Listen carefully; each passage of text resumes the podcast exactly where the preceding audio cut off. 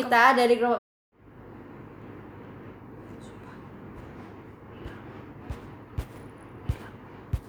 Pikir nggak kerasa terakhir. ya kita dan udah besok udah kembali. Ya sedih sekali kita hampir kembali ke Surabaya lagi. Tapi selama lima hari itu kita udah belajar banyak banget. Kita udah nyeritain dari hari pertama sampai hari keempat dan hari ini adalah hari yang paling seru. Soalnya kita ke Dufan. ke Dufan main-main. Yeay. Nih, tapi sebelum ke Dufan dari pagi hari kita tuh udah kumpul terus langsung menuju ke suatu tempat sing sudah jadi ciri khasnya kalau ke Jakarta. Setiap orang yang ke Jakarta pasti uh, kalau nyebut Ke Jakarta tuh pasti ini. terbesit sama kata-kata tempat ini yaitu kita ke Monas Monas itu adalah singkatan dari Monumen Nasional atau Tugu Monas nah Monas sendiri itu tingginya 132 meter atau 433 kaki yang didirikan untuk mengenang perlawanan dan perjuangan rakyat Indonesia untuk merebut kemerdekaan dari pemerintahan kolonial Hindia Belanda. Nah, di sana itu juga ada teks proklamasi yang berada di suatu ruang. iya di ruang Tapi itu bukan kemerdekaan. asli, jadi kayak fotokopiannya gitu. Iya, yang diperbesar sebanyak empat Empat kali. kali. Dan tugu ini dimahkotai lidah api yang dilapisi lembaran emas yang melambangkan semangat perjuangan yang menyala-nyala, seperti semangat perjuangan sa- saat perlawanan melawan Penjajah. penjajahan untuk mendapatkan kemerdekaan. Jadi juga di Tugu Monas ini bangunannya tuh kayak ada maknanya berkaitan sama keme- kemerdekaan Indonesia. Jadi ada Iya. yang 17 meter, ada, Ada yang yang 8. 8, ada yang 45, baik ketinggian maupun luasnya. Terus habis itu untuk ruang kemerdekaan sendiri yang menyimpan teks proklamasi itu eh, lapisan emasnya seberat 22 kilo itu tuh menandak di tanggal ulang tahun Jakarta Oh.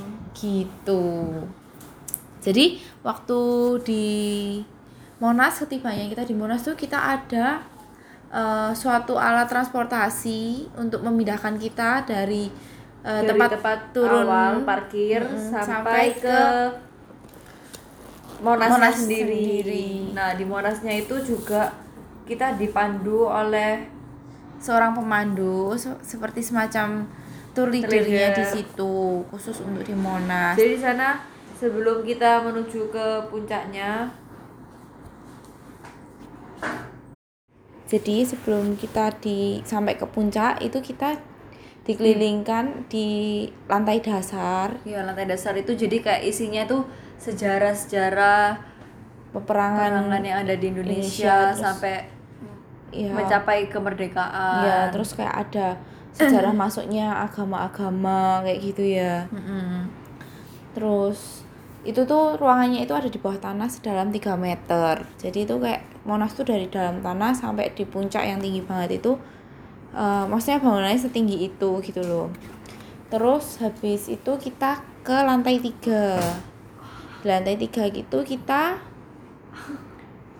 di kamar eh di kamar di lantai tiga da- Monas dengan ketinggiannya itu kita tuh bisa ngelihat view Jakarta tapi ruangannya tuh cukup sempit jadi kayak nggak bisa nampung banyak orang gitu jadi kalau rombongan tuh harus gantian. gantian apalagi untuk secara liftnya liftnya itu kayak di Monas cuma ada satu monaf eh Mona satu lift Iya, satu lagi.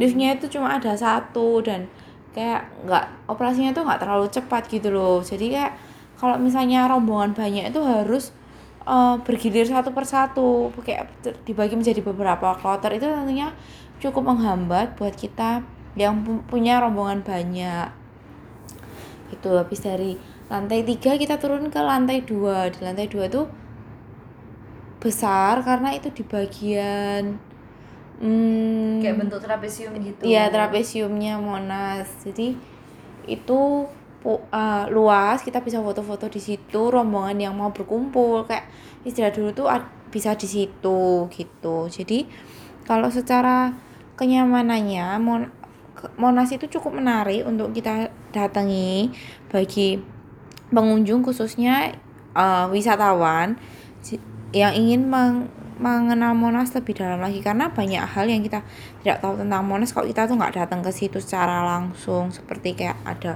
uh, ritual pembukaan sama penutupan teks proklamasi yang akan dibaca disuarakan suaranya rekaman suaranya Pak YR Soekarno secara langsung setiap satu jamnya. Seperti itu hanya ada di Monas.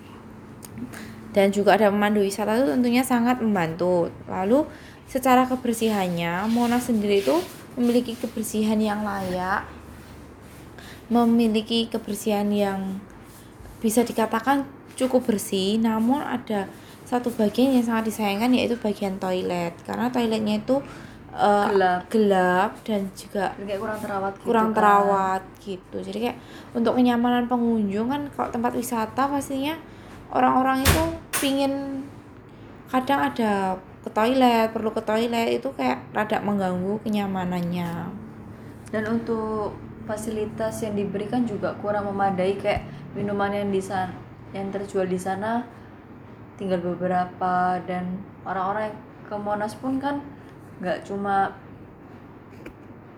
beberapa orang tapi kan banyak kayak rombongan. Jadi kan Iya. kalau jalannya jauh kan juga butuh minum. Iya terus habis itu kayak fasilitasnya ini lebih ke arah yang ke kereta untuk transportnya itu. Karena cuman mereka tuh hanya punya beberapa beberapa unit gitu loh. Padahal kan kalau di waktu-waktu tertentu khususnya weekend atau liburan itu kan banyak orang yang berkunjung wisatawan yang berkunjung atau rombongan kunjungan dari sekolah. Itu tentunya nggak hanya bawa satu dua orang tapi kan hampir 50 sampai bahkan mungkin 100 orang. Kalau cuma ada dua unit transportasi 2 sampai 3 unit transportasi itu tentunya sangat menghambat. Dan kalau mau jalan itu sendiri cukup jauh. Jadinya hmm, seharusnya tuh pemerintah kayak lebih memikirkan lagi gimana caranya supaya eh, wisatawan itu merasa nyaman seperti itu. Mungkin bisa menyewa transportasi semacam kereta kelinci lagi di hari weekend atau di apa long holiday hai- kayak gitu high season. Terus setelah dari Monas kita lanjut cerita pe- perjalanan kita di Dufan. Apa sih itu Dufan? Kayak itu tuh suatu dunia tempat fantasi. Iya, suatu tempat penuh arena permainan. Di situ tuh entertaining banget, di situ tuh kayak menghibur. Kita udah satu minggu jalan-jalan belajar banyak hal. Kan kita butuh refreshing, ya Refreshing. tentunya. Jadi kayak di situ tuh kayak tempat kita ngelepas penat, kita tempat kita senang-senang main-main. mencari kesenangan Permainannya sendiri pun cukup variatif. dan cukup banyak dan seru-seru sekali seru-seru sekali tapi ya memang karena mainannya seru-seru banyak pengunjung yang datang jadi kita tuh jadi harus antri ya antrinya juga cukup Wah. melelahkan bahkan untuk satu permainan saja kita antri hampir satu, jam, lebih. jadi ya kita tuh nggak bisa puas nggak bisa terlalu puas untuk bermain-main di situ dengan karena ada keterbatasan waktu mereka juga punya jam Iya. tutup pengunjungnya mereka dan banyak juga jam 6 iya jadi kan cukup cek- cepat ya Hmm. Eh, tapi secara kebersihan Monas sendiri itu bersih dan permainannya sendiri safety banget kita tadi mencoba berbagai macam mainan. Yang ekstrim Ekstrim tapi itu kayak memang kita merasa alatnya mereka tuh memang safety banget. Mereka bahkan selalu reminder kita bahwa kalau kita punya penyakit penyakit yang berbahaya seperti jantung epilepsi itu kita eh, nggak nggak dibolehin naik gitu loh demi keamanan bersama. Gitu. Untuk tempat sampah tempat sampahnya itu ada pembedanya nah tempat sampahnya itu dipisahkan antara yang organik sama non organik kayak gitu Jadi jadi akan membantu juga dalam memilah sampah, Sampah. yang bisa didaur ulang sama yang enggak. Mm-mm, itu kan tentunya memikirkan untuk keramahan lingkungan juga ya pastinya kayak mereka sampah-sampah yang eh, bisa didaur ulang tentunya mungkin dikelola secara daur ulang Mm, itu kayak langkah awal yang baik gitu loh kalau memisahkan tong sampah ada yang organik maupun non organik terus kalau mm, tapi eh, yang kita bingungkan adalah kenapa ada beberapa mainan seperti tornado itu kita tidak bisa tidak menemukan ya di ya di situ di Dufan. Padahal itu kan permainan yang cukup terkenal. Terus kayak Histeria itu masih under ada maintenance. Jadi ada beberapa juga. permainan yang masih dalam perbaikan. Kayak kalau pengunjung jauh-jauh mungkin oh ini permainan ikoniknya di Dufan loh sebenarnya. Tapi ternyata begitu sampai ternyata permainannya under maintenance kan itu cukup disayangkan. Tentunya membuat para pengunjung itu merasa kecewa gitu. Kayak mainannya jadinya menjadi lebih dikit daripada yang Iya. biasanya. Terus ya itu kembali lagi kayak tempat antrinya itu mungkin bu, bu- eh, dari pihak pengelola tuh bisa dipikirkan lagi bagaimana caranya supaya kayak misalnya memang kita perlu antri tapi kan bisa jadi mungkin ambil sistem nomor antrian. Kayak jadi kita tuh nggak buang waktu untuk hanya antri membuat barisan tapi kita tuh sambil antri bisa nyambil coba wahana yang lainnya. Itu kan tentunya sangat menguntungkan bagi wisatawan ya. Iya bener banget. Mungkin pakai sistem nomor itu juga bisa menjadi salah satu masukan buat mereka kalau bisa diterapkan. dan di sana sudah menerapkan digital kayak pembelian minuman. Iya, juga udah menggunakan kayak mesin gitu jadi udah kayak jarang menggunakan orang juga ya kan iya, sana. bisa cashless kan. Iya. Kita kan apa pakai e-money semacam itu.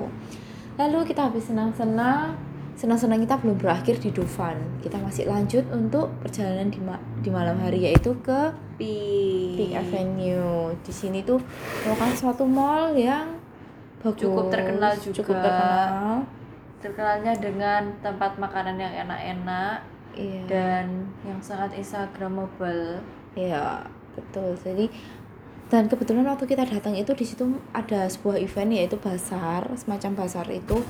Jadi ya kita memandang bahwa sebuah basar itu ketika diadakan di suatu mall itu eh, bisa menarik pengu- menarik perhatian pengunjung lebih lagi gitu loh. Jadi kayak ada beberapa orang yang datang mungkin karena adanya basar itu menjadi dat menjadi datang ke mall itu kayak pengen datangi basar jadi kayak event-event basar itu tentunya meningkatkan jumlah pengunjung suatu mall mempengaruhi lah sedikit banyak meskipun juga tempatnya lumayan jauh dari kota Mm-mm. tapi kayak orang-orang datang ke mall tuh karena mall tuh kayak ter- terkenal dengan makanannya yang juga termasuk murah-murah di sana Iya, betul.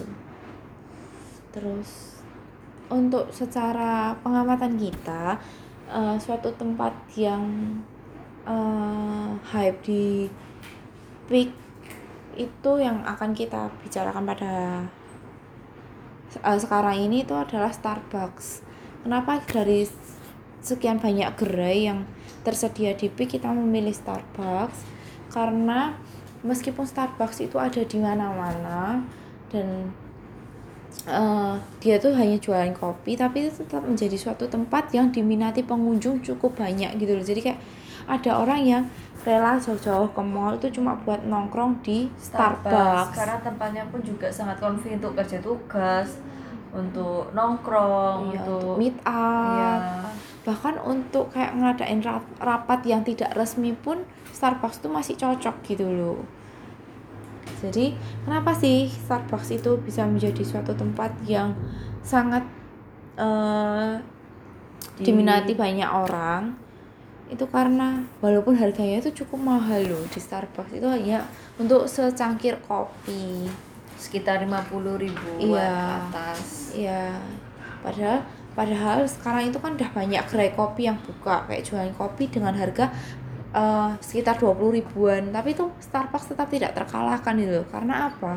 karena Karena tempatnya sendiri yang sangat mendukung iya, jadi mereka tuh menjual suasana, menjual kenyamanan, menjual tempat dengan nuansanya yang ciri Dan- khas. di sana juga free wifi juga jadi sangat Iya. mempermudah kita generasi milenial yang di mana-mana pasti membutuhkan sinyal yang bagus Iya. dan biasanya kalau di mall kan sinyalnya juga kurang bagus kan iya, jadinya betul. pasti membutuhkan wifi menjadi suatu pilihan Iya. ya juga kalau di Starbucks tuh kesannya tidak ribet gitu loh walaupun ramai pengunjung tapi itu kayak tidak terlalu ramai yang seperti pasar gitu masih tetap hening bisa kamu bisa konsentrasi di situ. Kayak vibe-nya tuh berbeda dengan gerai yang Gerai lain. lalu ada yang unik di Starbucks adalah penulisan nama di setiap cup pembelinya itu tuh menjadi salah satu daya tarik Starbucks di mana itu tuh jadi ikonik kayak Instagramable gitu loh. Kayak misalnya orang namanya ditulis misal pun salah tuh malah jadi lelucon. Mereka tuh ke story kayak oh nama aku ditulis salah lu di gerai Starbucks ini. Kayak mereka tuh jadi ketawa-ketawa sendiri. Itu juga menghibur. Terus itu tuh membuat para baristanya tuh semakin dekat sama customer yang beli karena mengenal namanya karena tahu namanya nyebut namanya seperti itu itu juga bisa request kayak misalnya mau ditulisin suatu quotes kalau misalnya Iya. diberikan ke orang lain. Iya, minta diberi semangat juga dikasih semangat seperti itu. Jadi itu daya tarik yang diberikan oleh Starbucks bagi para customernya gitu. Jadi eh, tentunya kita juga jalan-jalan ke gerai yang lain, tapi kita nggak bisa bahas satu persatu gerainya di sini. Yang pastinya Peak itu memiliki eh, penataan mall yang bagus karena kayak di setiap lantai itu tuh eh ada bagiannya sendiri-sendiri kayak mungkin baju di bagian Hmm. mana jadi kayak terkelompok terkelompokkan jadi memudahkan buat pengunjung itu cari misalnya daerah makanan tuh di lantai Daerah. berapa seperti itu jadi itu cerita kita di hari kelima. Dan mungkin ini podcast kita yang terakhir. Jadi sampai jumpa di perjalanan cenas berikutnya. Berikutnya. bye bye bye.